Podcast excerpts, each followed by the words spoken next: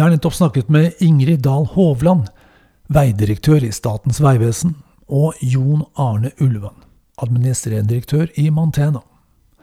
Mantena reparerer tog og har gjennom jernbanereformen i 2017, som har tvunget bransjen gjennom en prosess fra 150 år med monopol Ok, det er noen nyanser i dette bildet som jeg utelater nå til fri konkurranse. Statens vegvesen har nylig gjennomført en av de største omorganiseringene i offentlig sektor de siste to årene. Det de har gått fra fem regioner til én landsdekkende divisjon, med betydelige endringer i ansvarsmatriser og funksjonsområder. I noen virksomheter med lang historie og sterk kultur kan motstanden mot endringene bli betydelig. Er det slik i Statens vegvesen og Mantena? Eller er endring blitt den nye normalen? Jeg mener at ledere er kulturbyggere, og i min karriere som rådgiver for ledere har jeg hjulpet flere store operative virksomheter med å gjennomføre endringer for å utvikle en forretningsorientert kultur. Med den bakgrunnen var jeg spesielt nysgjerrig på hvilke erfaringer Ingrid Dahl Hovland og Jon Arne Ulvan har gjort seg om endringsledelse. Spesielt om dynamikken mellom endring og stabil drift.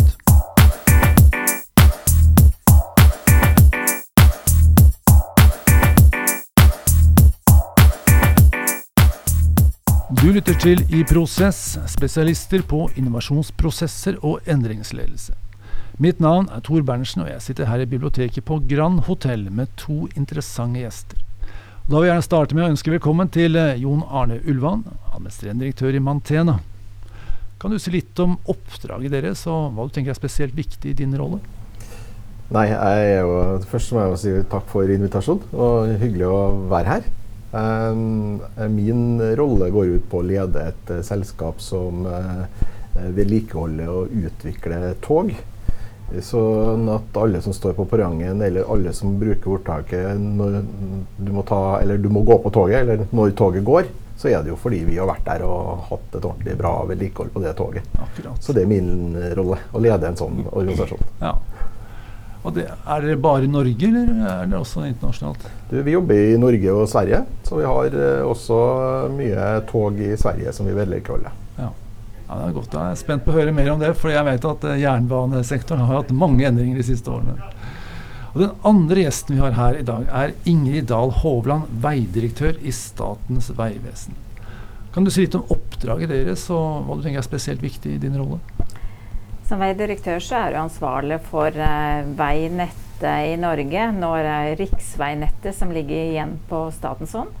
Og da er det alt knytta til planlegging, utbygging, drift og vedlikehold eh, på riksveinettet. Men vi har òg en del ansvar på tvers av øvrige veier i Norge, ja. som går på trafikksikkerhet og en del andre myndighetsoppgaver. Ja. I tillegg så er vi ansvarlig for kjøretøysida, altså ut, det å utdanne sjåfører i Norge. Altså oh, ja. alt på den førerprøvesida, altså sensorene der. Og så er det jo da knytta til kjøretøyparken i Norge statlig godkjenning.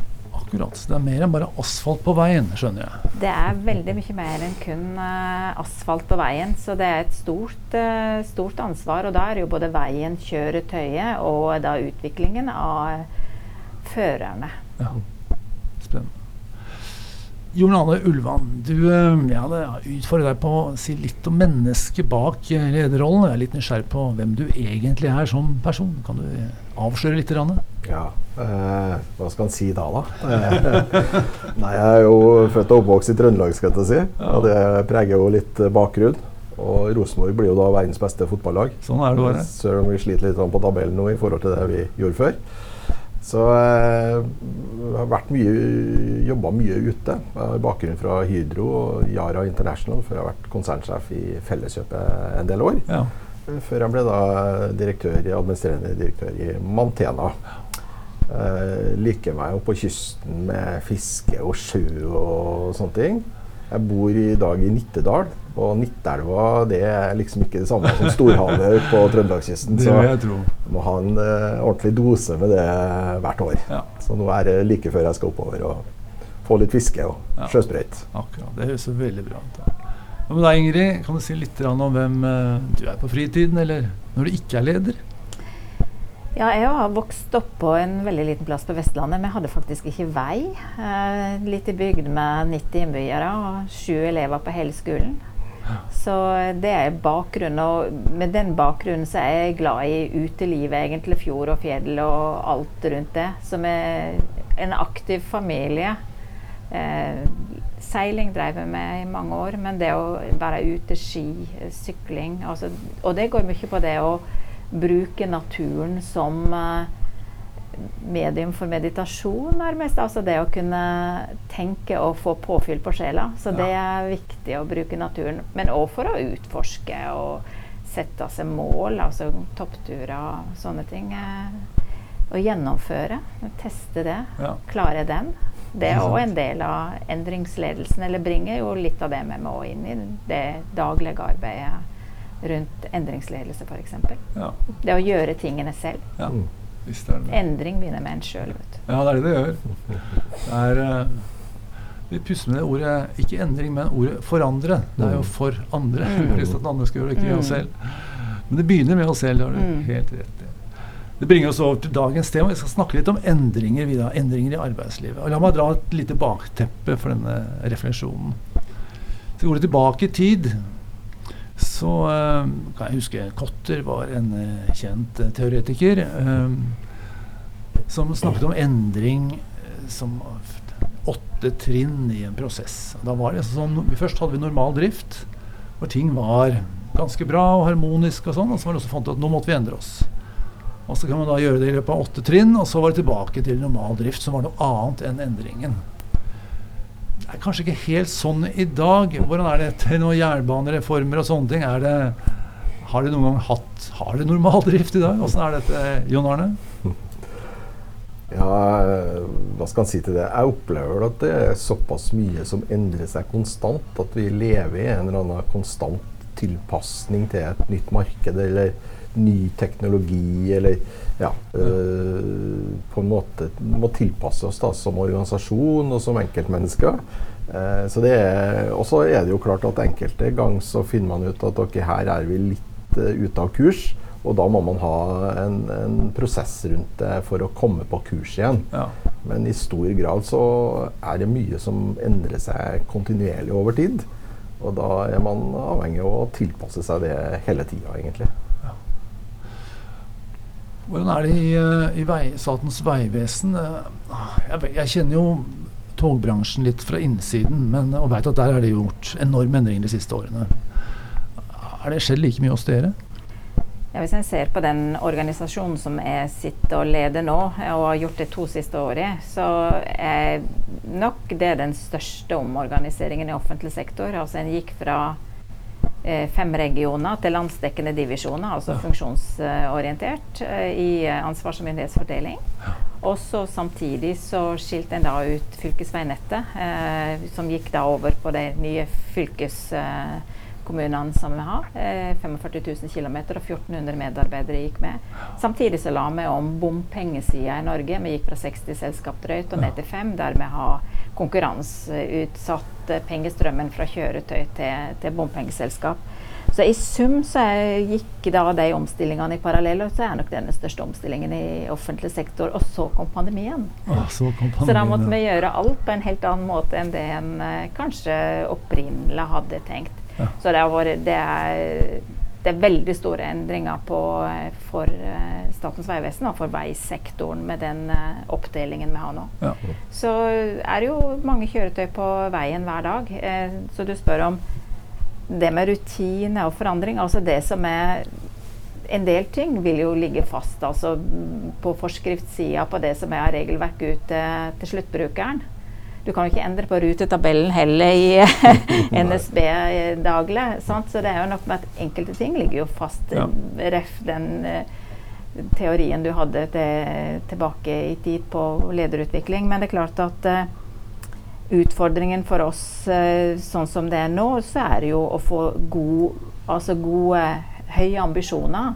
Eh, og levere godt ut eh, til sluttbrukeren. Den som skal ha førerkort eller godkjent et kjøretøy, eller du kjører på veien. Når du kjører på veien, så er du vår kunde på mange måter.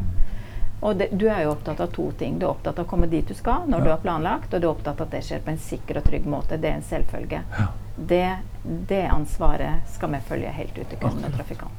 Føler de ansatte at alle disse endringene er nødvendig? Altså, Hvordan motiverer man for det? Selv om vi er eid av Næringsdepartementet i dag, så er vi jo en eh, konkurranseaktør som jobber i konkurranse med andre og byr på kontrakter og skal vinne nye kontrakter hele tida. Ja, ja. Um, og det er jo eh, det er klart at for dem som har vært med lenge, så er det en ganske stor overgang. Fra da å oppleve at man kanskje var i et eh, trygt system hvor ting var mer stabil og utvikla seg mer sånn fra si, dag til dag og lengre prosesser, til at man nå må jobbe annerledes. da. Ja. For det handler jo om å vinne de kontraktene, og når vi har vunnet en kontrakt, så skal vi selvfølgelig få lønnsomhet igjen. Og så skal vi drive så godt at vi får neste kontrakt eh, også. Ja. Eh, og det skaper, litt, ja, det skaper litt usikkerhet, tror jeg. Ja, klart. Eh, ja. Og samtidig så, så er det jo en ja, eh, overgang i forhold til det å være opptatt av inntjening i selskapet på en annen måte kanskje enn eh, man da var tidligere, hvor man var mer selvfølgelig opptatt av det faglige og uh, skru på togene sånn at de fungerte, og var Mm. veldig opptatt av leveransen. Så i tillegg så har man fått inn et litt annet økonomifokus. Ja, for det er nok to veldig forskjellige kulturer. Eh, at man har mange, og hvis man har jobbet der i mange år, så er det jo logisk at man tenker eh, Vi gjør mye riktig, dette går jo bra. Mm. Og så, får man, og så restrukturerer man hele greia, og så kan man gjøre helt, alt helt annerledes. Altså Man har kanskje jobba der 10-15 år sjøl. Og så har man hatt den innstillinga at måten vi gjør det på nå, funker fint. Mm. Og så kommer noen andre og sier nei, nei, det gjør det ikke. Det er klart at akkurat den der er jo krevende. For det blir jo sånn Gjorde ikke den jobben jeg har gjort tidligere, var ikke den bra nok? Eller var, Ja, så det er jo veldig stolthet òg i Statens vegvesen høy kompetanse rundt det med vei og veibygging. Men det er klart at tidligere så var det fem regioner. De jobba nok òg ganske forskjellig og hadde samme organisering, men leverte nok litt ulikt på ulike områder. Altså form og innhold, for så vidt. Så det er noe med å um, Nå har vi ensretta organisasjon, sånn at vi har landsdekkende divisjoner som er ansvarlig for sitt, sitt ansvarsområde. Drift og vedlikehold sitter i Tromsø og er ansvarlig for hele landet. Ja. Eh, men jeg, tror nok at, jeg opplever nok at organisasjonen ser at det gir en klarere ansvars- og myndighetsfordeling og mer slagkraft og sterkere kompetansebygging og spesialisering i den enheten helt ut til brukeren. For ansvars- og myndighetsfordelingen blir tydeligere når vi var regioner og hadde alltid under samme regionsleder, men fem forskjellige. Så jeg, jeg tror nok at logikken i organisasjonen er tydelig for våre medarbeidere nå, og, og dermed så er akseptet høyere for at den endringen var nødvendig. Men det er jo ingen i oss som ikke har fått endra styringslinjene sine, så det har jo vært krevende i ettertid å få liksom tydelighet i styringslinjer. Men så tenker jeg òg at eh, eh, en skal ikke undervurdere den kraften som er i en organisasjon når du setter i gang en endringsprosess. Ja, det er motstand, og kanskje ikke alle vil med. Men ofte så gir det, er min erfaring, at det gir òg muligheten til å tenke nytt. Så når det får gått litt tid, og det får kraft inn i prosessene, så ser en andre måter å gjøre det på som er bedre, forhåpentligvis, enn Ja. det en gjorde at en klarer å forbedre prosessen. Fordi resten av samfunnet har jo òg utvikla seg i en retning. Så um, jeg opplever veldig uh, store gjennomføringskraft i Statens vegvesen, at den er blitt styrka i forhold til leveransene ut uh, på totaliteten. Og, og vi er nok òg blitt mer tydelige ut på tjenesteytingen vår på alle områder. Ja. Så det, det er jo en stor jobb å gjøre videre framover. Men det å ha høye ambisjoner og være tydelig på at endringen er jo for å øke tjenesteytingen ut i samfunnet. Du skal ha mer tjenesteyting per skattekrone. Ikke sant. Og det fokuset opplever jeg godt til stede i hele organisasjonen. Ja. Spennende drive, egentlig. Ja, for det handler om å, hvis jeg forstår det, det handler om å få folk til å forstå hvilke tjenester er det vi egentlig leverer, istedenfor Ja. at man, hvilken jobb er det jeg skal gjøre akkurat Ja. nå. Mm. Hvem er jeg til for? Ja, ikke sant? Hvem er jeg til for, i stedet for hva er mine oppgaver, Mm. og har jeg gjort de godt nok? Mm. Det er litt for lite perspektiv, da. Mm. Eh, og i store virksomheter hvor verdikjeden er lang og komplisert, så er det lett å miste si, fokuset på Mm. selve sluttbruker eller eh, det endelige resultatet. Da. Mm. Er det sånn i Mantena også, tenker du? Eller? Jeg tror det, det, det ligner jo. Alle, ja. alle de endringsprosessene jeg har vært inne i, så er det jo litt uh, Mm. man, man skal jo fra noe til noe, og det er jo alltid litt sånn motstand. Og samtidig så er det jo litt sånn når du får endra oppgaver, så får du kanskje litt nye perspektiver. Du får litt energi inn i Mm. organisasjonen, og det blir ja, du må lære noe nytt, kanskje. Uh, og det har jo litt for å utlyse litt ekstra Mm. motivasjon. Og man, man finner fram til ting som man kanskje tenkte var låst før. Ja. eh, som blir utfordra og, og gir nye muligheter. Da. Eh, men det er jo som regel en prosess eh, fra der man står og til man er der, at man liksom får dette til å rulle godt i organisasjonen. Og kanskje tåle at folk er litt misfornøyde en stund også. Åssen er det med det? Eh, Har vi, eh, har vi aksept for det? At, at vi tåler det, eller er det vanskelig for oss? Ja, eh, altså det må en ha et visst aksept for, men det er klart at eh, det er viktig å få eh, Det er viktig at ikke det får satt seg for mye med surmuling og, eh, og negativ energibruk. Du ønsker jo å bruke energien framover. Ja, ikke sant? Så eh, jeg tenker nok at uh, det å få motivert organisasjon, altså det å ha god ledelse i alle ledd, så du motiverer til det å jobbe framover, altså gjør akkurat andre gode, Ja. Uh, få flyt i arbeidet, det er viktig. Ja, så Til mitt spørsmål så, så må jeg spørre deg om, det, om vi skal tåle misnøyen. Så hører jeg du sier nei, vi skal egentlig ikke det, for vi må snu den ganske raskt. Hvis, hvis ikke så fester den seg litt. Mm.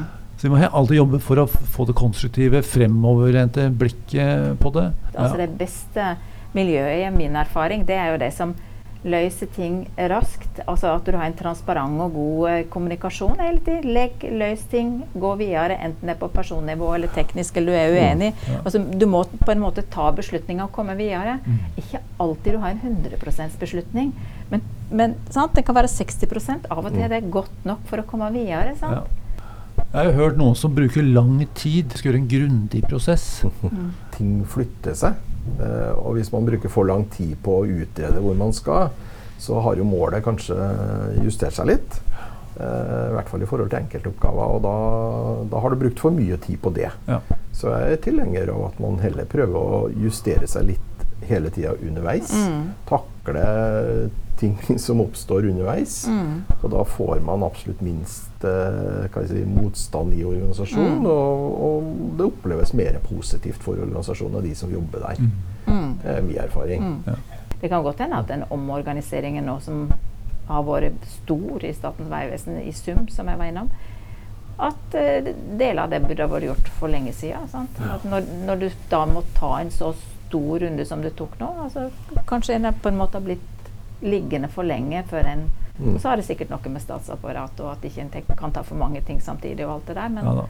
Hva gjør dere liksom, konkret eller praktisk eh, for å få med folk og kommunisere med så mange mennesker? Dere leder jo store organisasjoner begge to. Ut og møte folk, ha en frekvens på det. Og Ja. samtidig så klarer man alle å møte alle så ofte som man ønsker seg. Eh, Så vi bruker jo også selvfølgelig nett, og vi bruker eh, streaming eh, til hele organisasjonen eh, på visse punkter.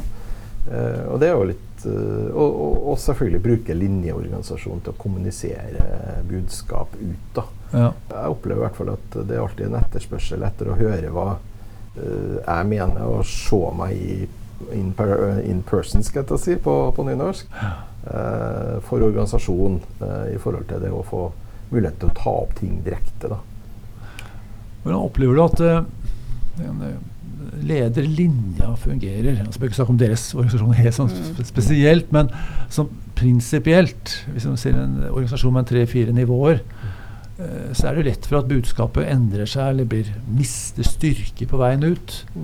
Og en ledergruppe med forskjellige mennesker som har litt forskjellige preferanser og litt annen måte, forskjellig måte å tenke på, så kan en person i sin linje ta det ut med masse kraft, og en annen person i i annen del av organisasjonen eh, si de riktige tingene, men det er ikke samme engasjement og, og trøkk i det.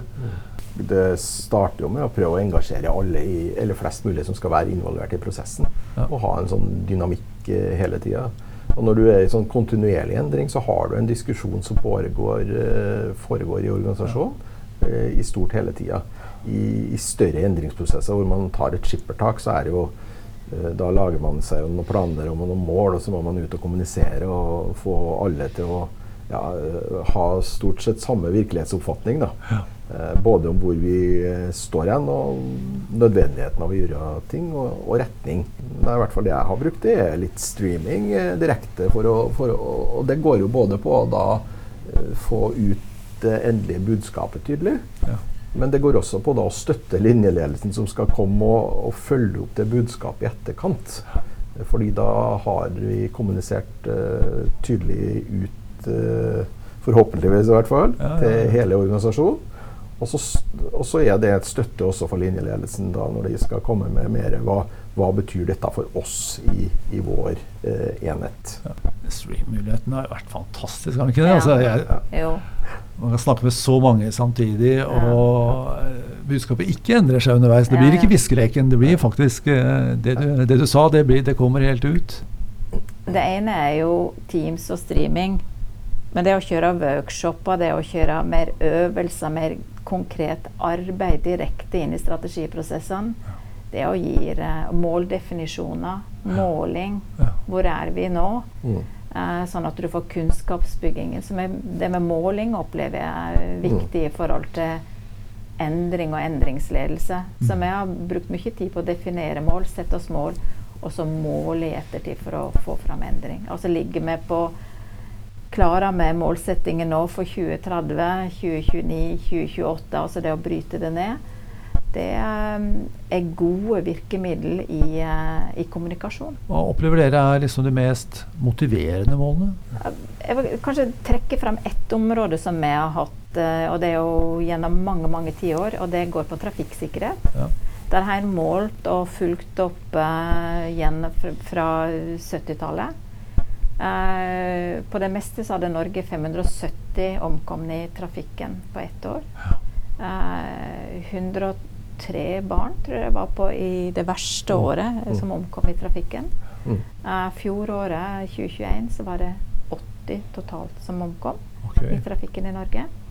Uh, og det har vært jobba kunnskapsbasert og fulgt opp i alle lederledd i organisasjonen. Ja uh, gjennom mange mange år. En har jo justert opp på tiltakssida. Men målet følge opp, rette tiltak, ser på effekt mm. Og går videre. Fra mitt ståsted så handler det jo ofte om altså, Det er jo mange ting man skal lykkes på, det er mange mm. ting man skal få til samtidig. Men så trekke ut noen mål som er mm. viktigere enn andre. Og si at nå er, nå er, det dette vi skal få til. Eh, mm. Og være tydelig på det. Mm. Eh, det har eh, bra effekt, syns mm. jeg. Ja. Å eh, akseptere at alt kan ikke bli førsteprioritet, for da har du i realiteten ikke noe førsteprioritet. Nei, ikke sant. Og, og, løfte opp da Ja, og så er det jo selvfølgelig hvordan henger min aktivitet som ansatt eller som leder eller i organisasjonen sammen med det målet vi skal nå. Mm. Og bryte det ned. Så ok, så nå skal vi gjøre denne delen, og så begynner måle på det.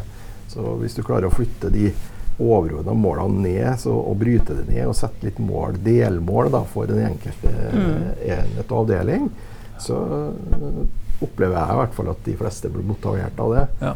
For da Ja, vi har en overbygning og et overordna mål. Vår andel av det målet, det ligger her. Og så vi skal få til dette. Ja. Og det er et veldig godt poeng det med at ikke du får til alt samtidig. Mm. Når du plukker ut ett felt, da, som du nevnte trafikksikkerhet, så bygger du en Du institusjonaliserer kompetanse. Det er jo et sånn fyndord hvis du snakker med HR-avdelinga, ja, ja, ja, men, men, det er det i praksis. Altså du bygger kompetanse fordi at du jobber mer med analyse og kunnskapsbygging i organisasjonen for å le levere på mål. Og så får du til en utvikling. Da kurven går liksom riktig mm. vei, og du ser at ja, det her virker. Mm. Det gir en voldsom boost i organisasjonen. Men da er det viktig akkurat det der å du kan liksom ikke ha for mange ting i kikkertsiktet, pleier jeg å si. Mm. Da er det det du jobber med. Og når du mm. får det over på auto, for etter en stund, så er det det som er hverdagen, da. Ja. Eller rutinen. Ja.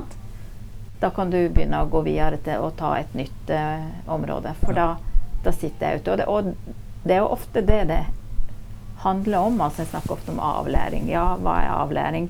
Og det er det at du egentlig får et annet tema sterkere i fokus, som du da skaper Skal du ha økt gjennomføringskraft på et område, så må du evne å forenkle og skape fokus rundt det. Ja. Mm.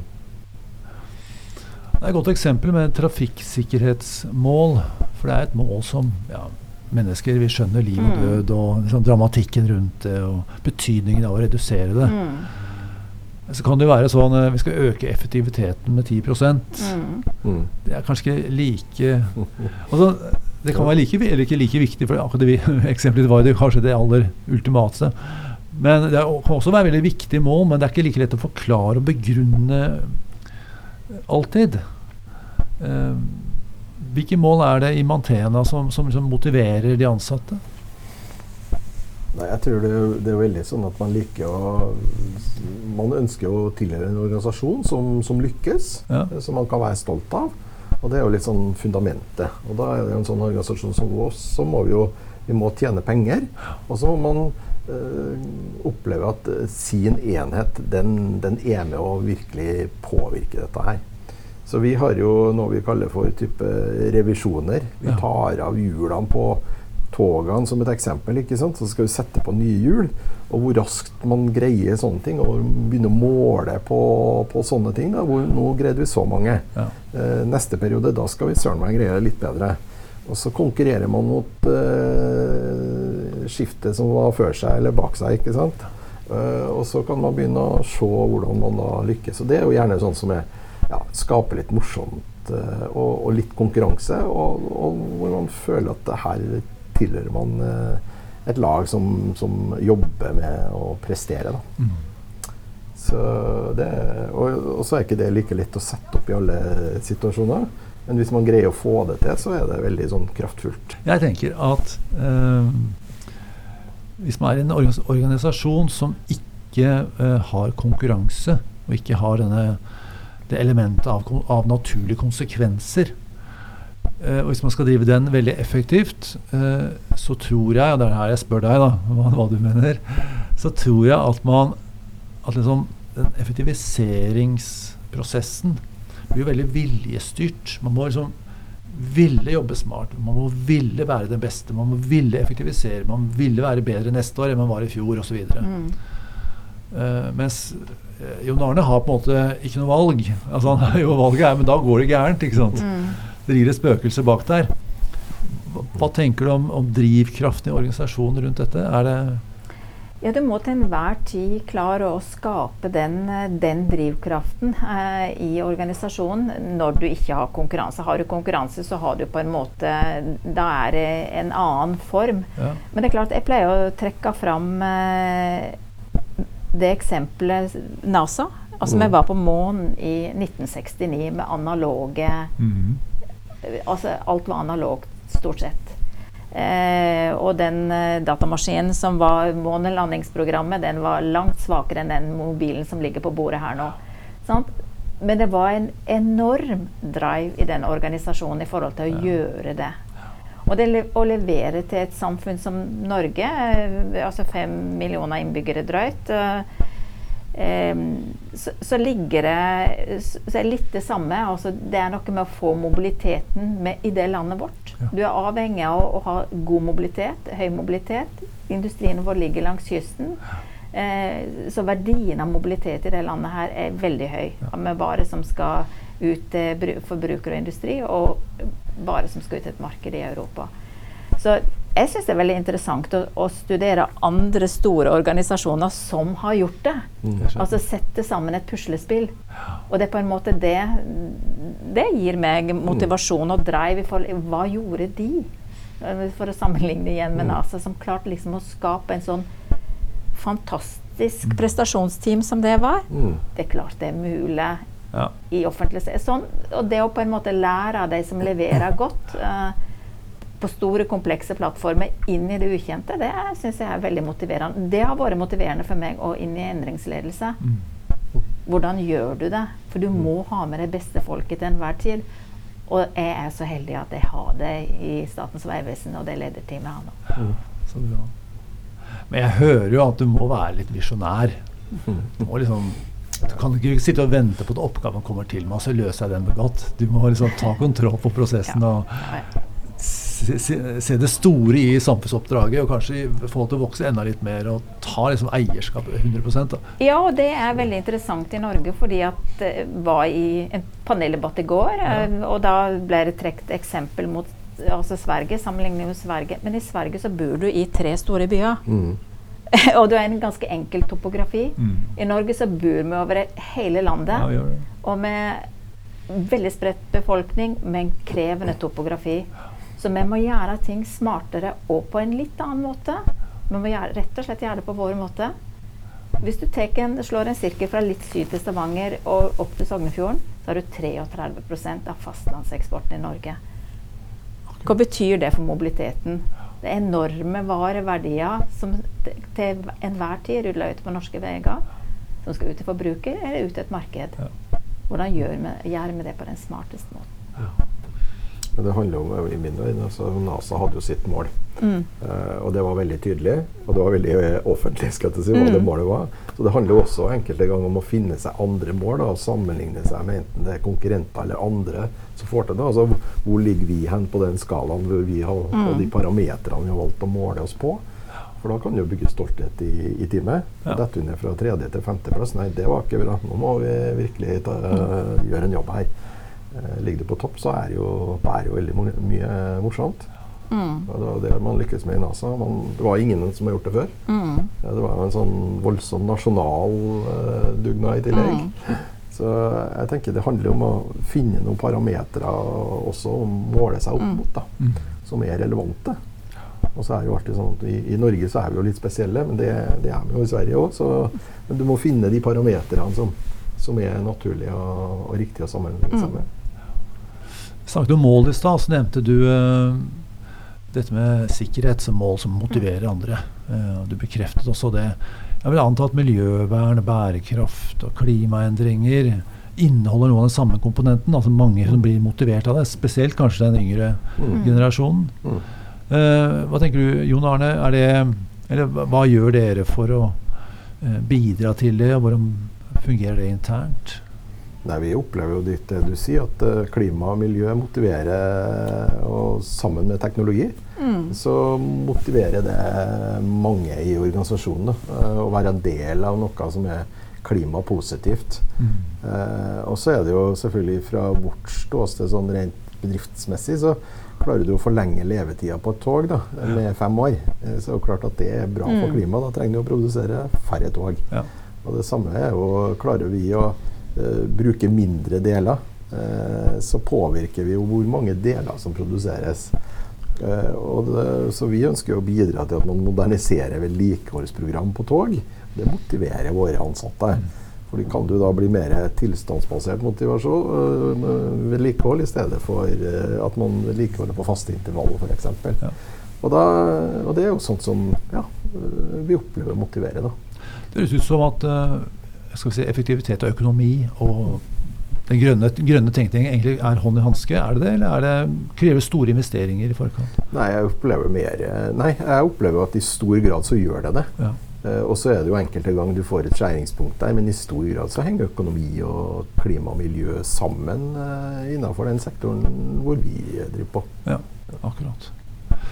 Hvordan virker uh, bærekraft og klima og miljø som motivator i, i Vegvesenet? Det som er bra for det grønne skiftet og for klimagassutslipp, det er òg bra for kostnader. Altså ja, ja, så, det, så, ting henger veldig godt sammen her, og, og det mm. har våre medarbeidere eh, sett. Og, og, dermed så får du en bedre motivasjon for å, for å jobbe i den retningen eh, i det daglige. Så det er jo både innenfor drift og vedlikehold og kjøretøy, så alle sider treffer jo den delen av, eh, av bærekraftstenkningen. Det som kanskje slo først inn i oss, var ferjeomleggingen. Altså, I dag så har, er det mange ferjesamband på norskekysten som er elektriske.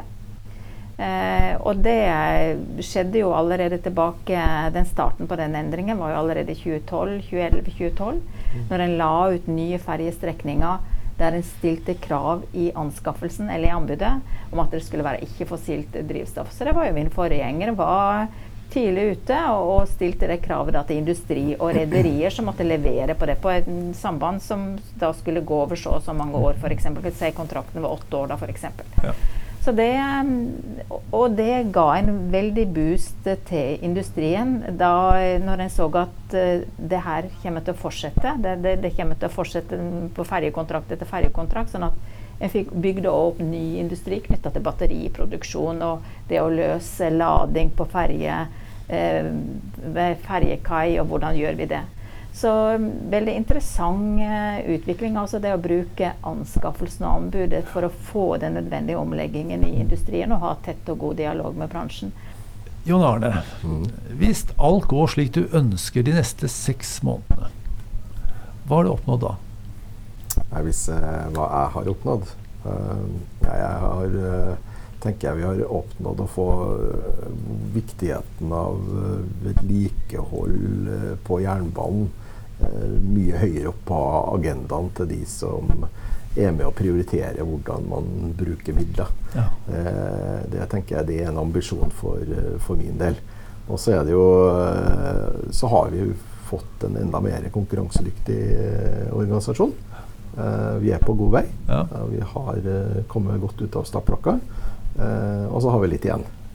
så vi har kommet i mål på det. Ja, det er viktig. Ja. Hvem er det i disse organisasjonene, Hvilke organisasjoner tenker du på? Er det de som kjøper tjenester av dere, eller er det at dere får masse nye kunder samtidig? Ja, Vi vil jo gjerne ha nye kunder. og det å se vedlikehold sammen med drift av togene, og hvordan dette også kan utvikles til å bli enda mer miljøvennlig, rett og slett. Akkurat. Men det er også de selvfølgelig da, som legger opp til rammebetingelser. For det henger jo sammen, dette her. Ja, ja. Du er flinkere til å se det, det helhetlige samspillet der. Og selvfølgelig deres rolle oppi det. Da. Ja. ja. Hva tenker du da, Hvis uh, alt går slik du ønsker, uh, hva er annerledes da om seks måneder? Noe spesielt du ønsker å oppnå?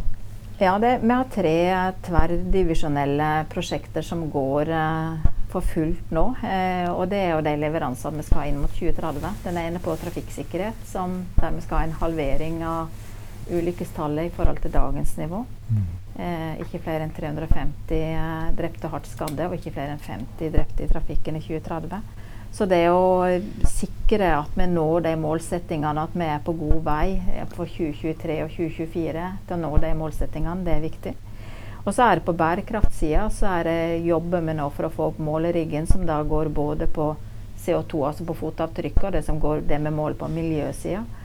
Så det å få eh, Jeg føler meg ganske trygg på det som går, ruller på veien, at vi skal klare halveringen, som er den forpliktelsen vi har i forhold til Parisavtalen i 2030. Og så er det å få opp gode tall på, på bygging, drift og vedlikehold. At vi, at vi leverer godt inn i det grønne skiftet. Så den riggen eh, må vi ha på plass innen eh, i løpet av det halvåret som vi er inne i nå. Mm. Vi skal ha et, eh, en stor revisjon av strategi og, og det arbeidet rundt handlingsplaner nå i, i, juni, så da skal det rulles ut i løpet av høsten. Og det siste er jo det med forutsigbarhet i, i, i mobilitet og framkommelighet på veiene våre. Eh, det å ha eh, mer prediksjon for, eh, for driften, altså i forhold til det å sikre oppetid på veien. Um, så det er òg et område som er mer måling, mer hendelsesdetektering og det å sikre eh, god drift og høy oppetid for uh, trafikantene, og ikke minst yrkessjåførene, som har det som arbeidssted hver eneste dag. Ja. Da er vi nødt til å avslutte. Hensikten denne refleksjonen er økt bevissthet. For vi tror at det du er bevisst, kan du gjøre noe med, og det du ikke er bevisst, gjør noe med deg. Da sier jeg tusen takk til våre gjester. Takk skal du ha. Tusen takk til våre lyttere, og på gjenhør. Hei, det er Tor Berntsen her. Jeg vil gjerne ha din oppmerksomhet litt til. Jeg har nemlig noe du trenger. Som du vet, jobber vi med lederutvikling. Og tradisjonelt har det vært å utvikle ledergrupper eller gjennomføre lederprogram på konferansehotell. Gjerne kombinert med coaching på ditt eller mitt kontor. Det gjør vi fortsatt.